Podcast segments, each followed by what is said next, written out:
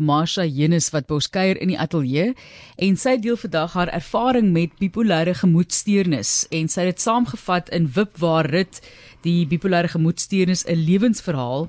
En ons gesels bietjie daaroor want ek dink dit is nogal nodig daar word baie min daaroor gepraat met mense. Daar's nog so baie stigma aan verbonde. Baie baie welkom aan jou Marsha. Is lekker om jou hier te hê. Baie dankie Martelies. En ek vind dit altyd 'n geweldige voorreg as iemand kom sit en hierdie tipe van inhoud en hulle lewensverhaal met mense deel. Want jy praat nie nou sommer net met 'n vriendin of iemand aan tafel nie. Jy deel dit met miljoene en honderde duisende mense. So is jy gemaklik al om so daaroor te gesels? Ek is heeltemal gemaklik. Ja, heeltemal okay. gemaklik. Dit is eintlik vir my uh, bevrydend. Jy weet, op 'n manier. En om dit so ook in boek ja. vas dit was neer te lê en en veilig te voel jy weet dat die manier hoe jy dit geskryf is ook reg opgeneem word. Want ek dink dit is jy weet mense altyd bekommer is of mense jou reg verstaan wanneer jy skryf. As 'n mens praat, kan jy nog jou stemtoon weergee. Jy kan nog mooi aansluit by die verduideliking wanneer dit geskryf is, is dit daar op papier swart en wit en hoop jy die mense lees dit soos wat jy dit bedoel het. Ja, ek het eintlik seker omtrent 20 jaar gelede al gedink daaraan om 'n boekie daaroor te skryf toe ek gediagnoseer is die eerste keer. En ehm um, sedertdien het vriendinne vir my gesê skryf, jy moet skryf, jy weet. So dis eintlik dit vertel van die bipolariteit, maar dit vertel ook van my lewe en my want ek het ook 'n interessante lewe gehad, ehm um, gegee die gesin waarin ek groot geword het. Kom ons praat 'n bietjie oor daardie roete Amanda Strydom het ook al baie gepraat op RSG oor haar uitdagings met bipolêre gemoedstoornis en jy praat ook byvoorbeeld oor behandeling en lithium byvoorbeeld wat 'n groot groot krisis was vir baie mense die gebruik daarvan. Jy daar 'n hele uit afdeling daarvan maar as ek kyk na hoe jy dit bespreek dit is 'n bewys van die feit dat hierdie ding elke liewe aspek van jou lewe aantas. So kom ons begin by die begin. En soos ek nou net vir mense ook gelees het die ruk jou regtyd en die begin. So kom ons begin daarso wanneer het jy vir die eerste keer besef luister jy is iets nie reg nie of ek voel nie reg nie. Maar jy weet nie wat dit is nie en niemand anders verstaan dit of weet wat dit is nie, maar jy voel in jouself daar is dalk iets fout. Ek dink toe ek so 11 jaar oud was, maar toe is dit nou toe toe ek uiteindelik op 21 gediagnoseer is, toe is dit nou uh major depressie. Toe was ek baie depressief vir baie jare terwyl ek skool gehad, was ek baie depressief en ehm um, dit was terrible. En toe ek nou ehm um, toe toe later jare toe ek begin om hierdie wipplank storie te hê en toe het ek uh was ek by 'n internis gewees vir een of ander iets. Toe sê hy vir my maar hy gaan my nou stuur. Hy moes iets agtergekom het. Toe sê hy hy gaan my nou stuur na hierdie psigiater toe. En toe is ek na die psigiater toe en toe het hy ehm um, toe hy my nou gediagnoseer, maar hy het nooit vir my pertinent gesê wat verkeerd is nie. Hy het my in 'n inrigting, nie inrigting nie, 'n kliniek laat opneem en uh, vir my ma en my kinders gesê wat is verkeerd. So toe ek nou in die kliniek is, so sê een van die vrouens daar vir my, "O, jy het dieselfde siekte as ek." Toe dink ek by myself, "Nou wie's jy nou eintlik vir my te sê ek het dieselfde siekte as jy? Ek is depressief. Jy's depressief en jy's iets baie ergers." Want toe is sy nou daar bo in die hemel. En ehm um, en toe het ek nou hier by toe ek so 48, 49 is, was ek in Stikland opgeneem. En ehm um, en toe het ek besef dat dit is my voorland. Dit en ehm um, toe ek nou uh toe ek nie weer terug gegaan onderwys toe nie, ek het nie weer terug gegaan waar ek ook al gewerk het nie. Ek het net ehm um, ek het en toe ek nou op op die ou einde by my ma in die huis en ons twee klikkie so goed nie. Ek het haar baie lief, maar ons klikkie goed nie. En toe sy toe ek nou by haar ge ge ehm um, gelogeer. Ja. En toe ek vir 'n hele jaar lank in die bed gelê, maar dit was toe met depressie. Toe hoor ek eendag net sê sy vir my broer, dit was die slegste jaar van haar lewe met my daar op haar werf.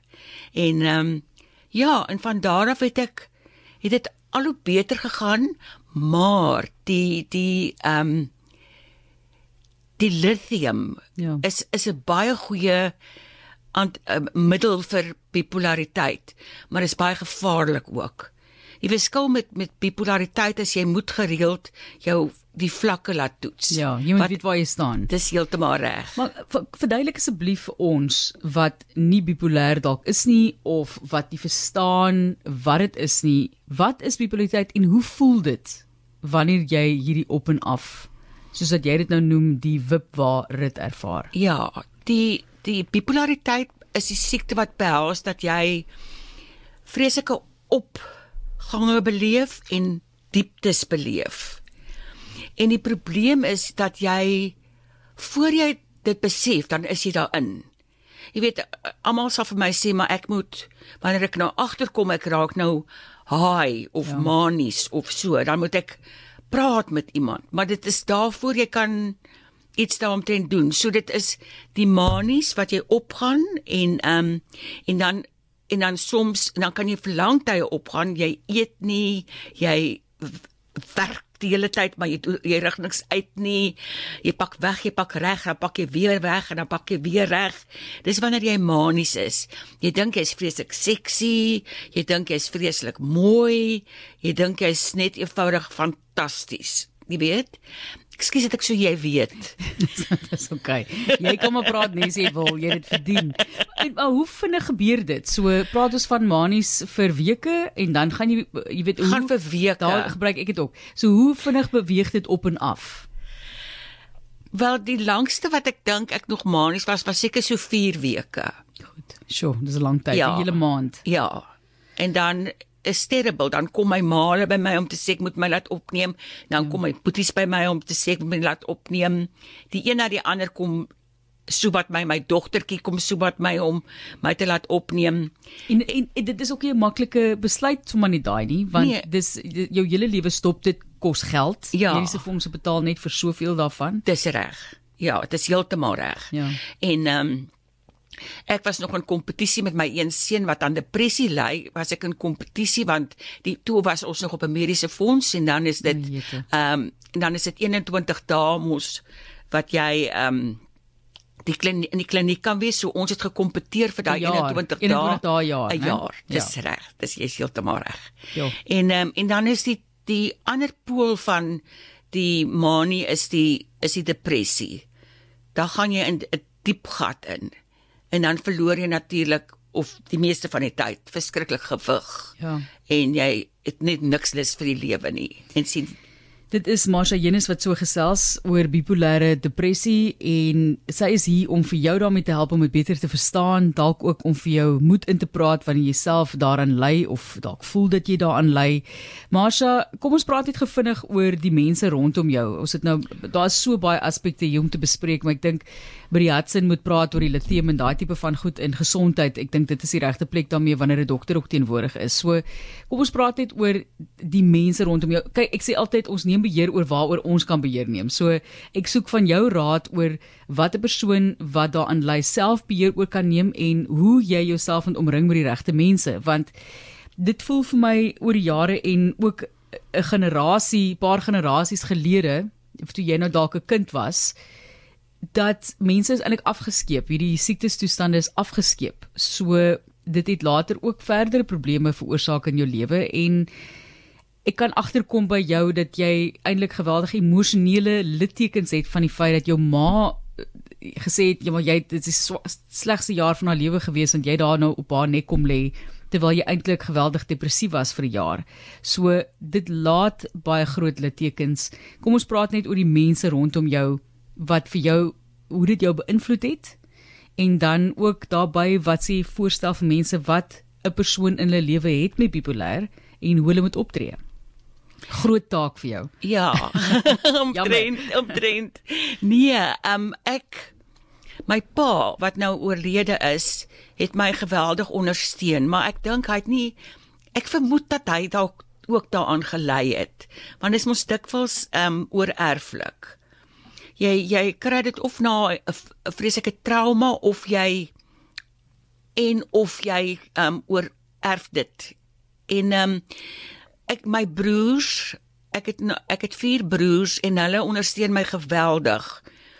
Dan ondersteun my skoonsissies. Ek het nie vier skoonsissies nie. Ek Ek het gehad. Ja. maar nou het ek 3. Ai. nee. In elk geval, hulle ondersteun my baie, veral my skoonsussie Christolien, sy's 'n darling, sy's 'n engeltjie. En ehm um, vir dit ek het vir 'n tyd lank by hulle gebly en sy het vir my saans 'n warmwatersak gemaak en sy het vir my eiertjies gekook en sy het vir my broodjies gemaak. Sy's net eenvoudig loverly. En ehm um, so so my familie is baie ondersteunend. Hulle is regtig baie ondersteunend. En dan het ek 'n paar vriendinne. Leonora, van wie ek nou vir jou vertel het, en Hetty. Hetty en ek is al diep in die 60 jaar vriende. Sjoe. Ons is werklik, ons was 4 jaar oud. So dis nou 64 jaar lank wat ek en Hetty vriende is. Ons het saam ons eerste vry gevry en en Hetty en dan soos ek gesê het dan staan Christolien Chrissy is. Ehm um, dis meestal my ondersteuningsnetwerk. Ja. Dan is daar Anet. Ek kan nooit daarvan sê nie van Krakenburg. Sy lei ook aan bipolariteit en ehm um, So het begrip ook vir so jou. ja, ja, so ons verstaan mekaar. Kom ons praat net gou vinnig oor baie ek wil eintlik sê vreemde ervarings wat jy het 'n maniese periode gehad tydens Covid en Ja. hoe oor hoe oorleef jy daai tipe van situasie? Ek meen as jy manies is, jy's vasgekeer in 'n spasie in 'n huis. Ek is nie seker saam met wie en rondom wie jy was in daai periode van tyd nie. Vertel vir ons van van daai uitdaging. Ek het ehm um, toe my ma sterf, toe word haar huis nou verkoop. Toe het my broers gesê maar ek moet in 'n aftreeoord gaan bly. Ehm um, vir die vir die uh, vir die rede dat ek daar kan mense kyk dat ek die regte pille drink, dat ek die regte hoeveelhede drink. En toe het sy uh nou wat wil ek nou vir jou sê? Toe ek COVID, nou die COVID ervaring, ja. Dankie, dankie. Toe ek um COVID gekry en tesame daarmee het ek manies geraak. So. En um toe ek opgeneem in 'n so spesiale eenheid vir mense wat nie na hulle self kan kyk of vir hulle self kan sorg nie. En toe het ek nou my um oudste broer Jan het ek vir hom gekontak en gesê hy moet my uitkry. Ek moet hier uit. Nou, ek moet nou hier uit. Ja. En uh, want hulle sit toe vir my 'n doek aan en ek weet nie hoe om die doek te handle nie en ek as ek piepie in die doek dan trek ek die doek af en ek doen alles verkeerd om.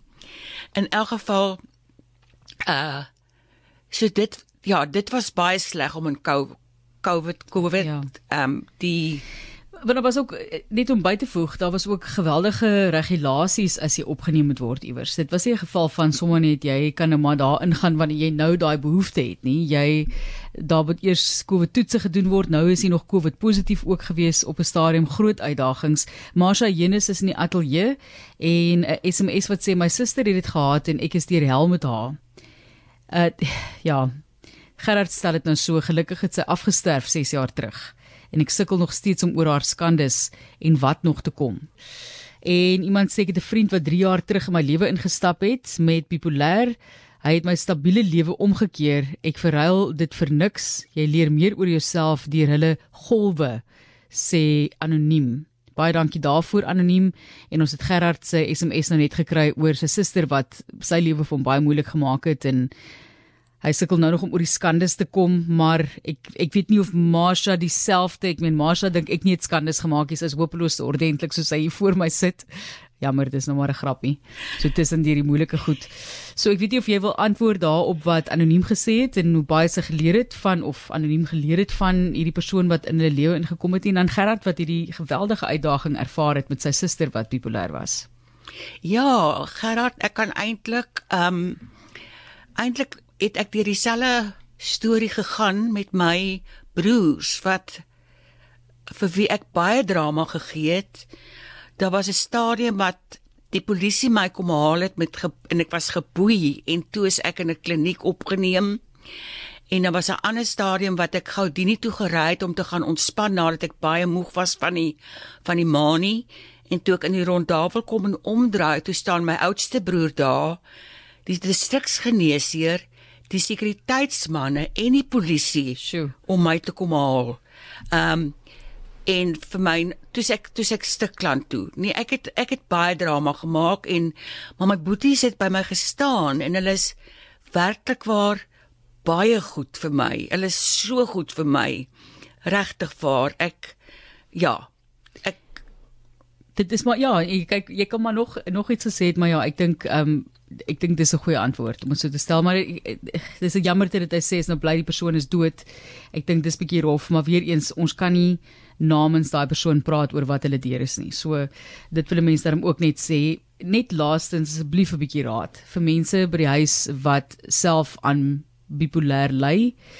Het jy enige wyshede wat jy na jou baie jare met hierdie siekte kan deel? En dis 'n siekte terloops. Dat Ja, ons dit hardop sê. dis reg, dis 'n siekte. Dis 'n terrible siekte. Dis 'n baie nare siekte. Ehm um, mens mens moet definitief laat ek dit so stel.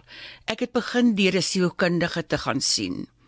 En sy het nou agtergekom Annelie Joubert. Sy het nou agtergekom daar's 'n groot skroef los.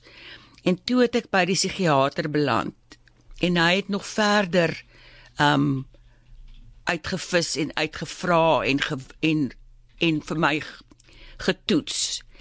En um en my kinders het my bygestaan, my my my broers het my bygestaan, my skoonsissies het my bygestaan, my skoondogters het my bygestaan.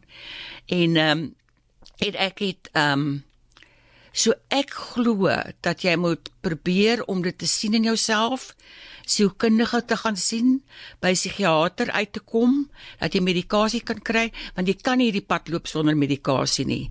En die ding is met met met bipolariteit, dis nie enige medikasie wat werk nie, wat werk vir my, werk nie vir 'n ander ene nie. Ja. Wat nou werk, werk nie nou nie, werk nie net nou nie. Ja, En dit neem tyd om te werk. Dit is nie iets wat sommer net hier drink jy dit en môre is jy Dis okay. reg, dit vat- baie lank tyd. dis reg. Marsha Jenus, die skrywer van Wipwaar Rit, 'n uh, bipolêre gemoedstoornis, 'n lewensverhaal en sy stap so en vertel die hele storie van haar lewe, van haar jeugjare tot dat tot sy getrou het met die kleinkinders, 'n genadegawe noem sy dit ook. En ons sê vir jou baie baie dankie. Die drama daar, my lewe tans en dankie dat jy jou lewe met ons gedeel het hier op 360. Ons dink aan jou met die toekoms en ek hoop regtig dat jy hanteringsmeganismes ontwikkel het vir jouself.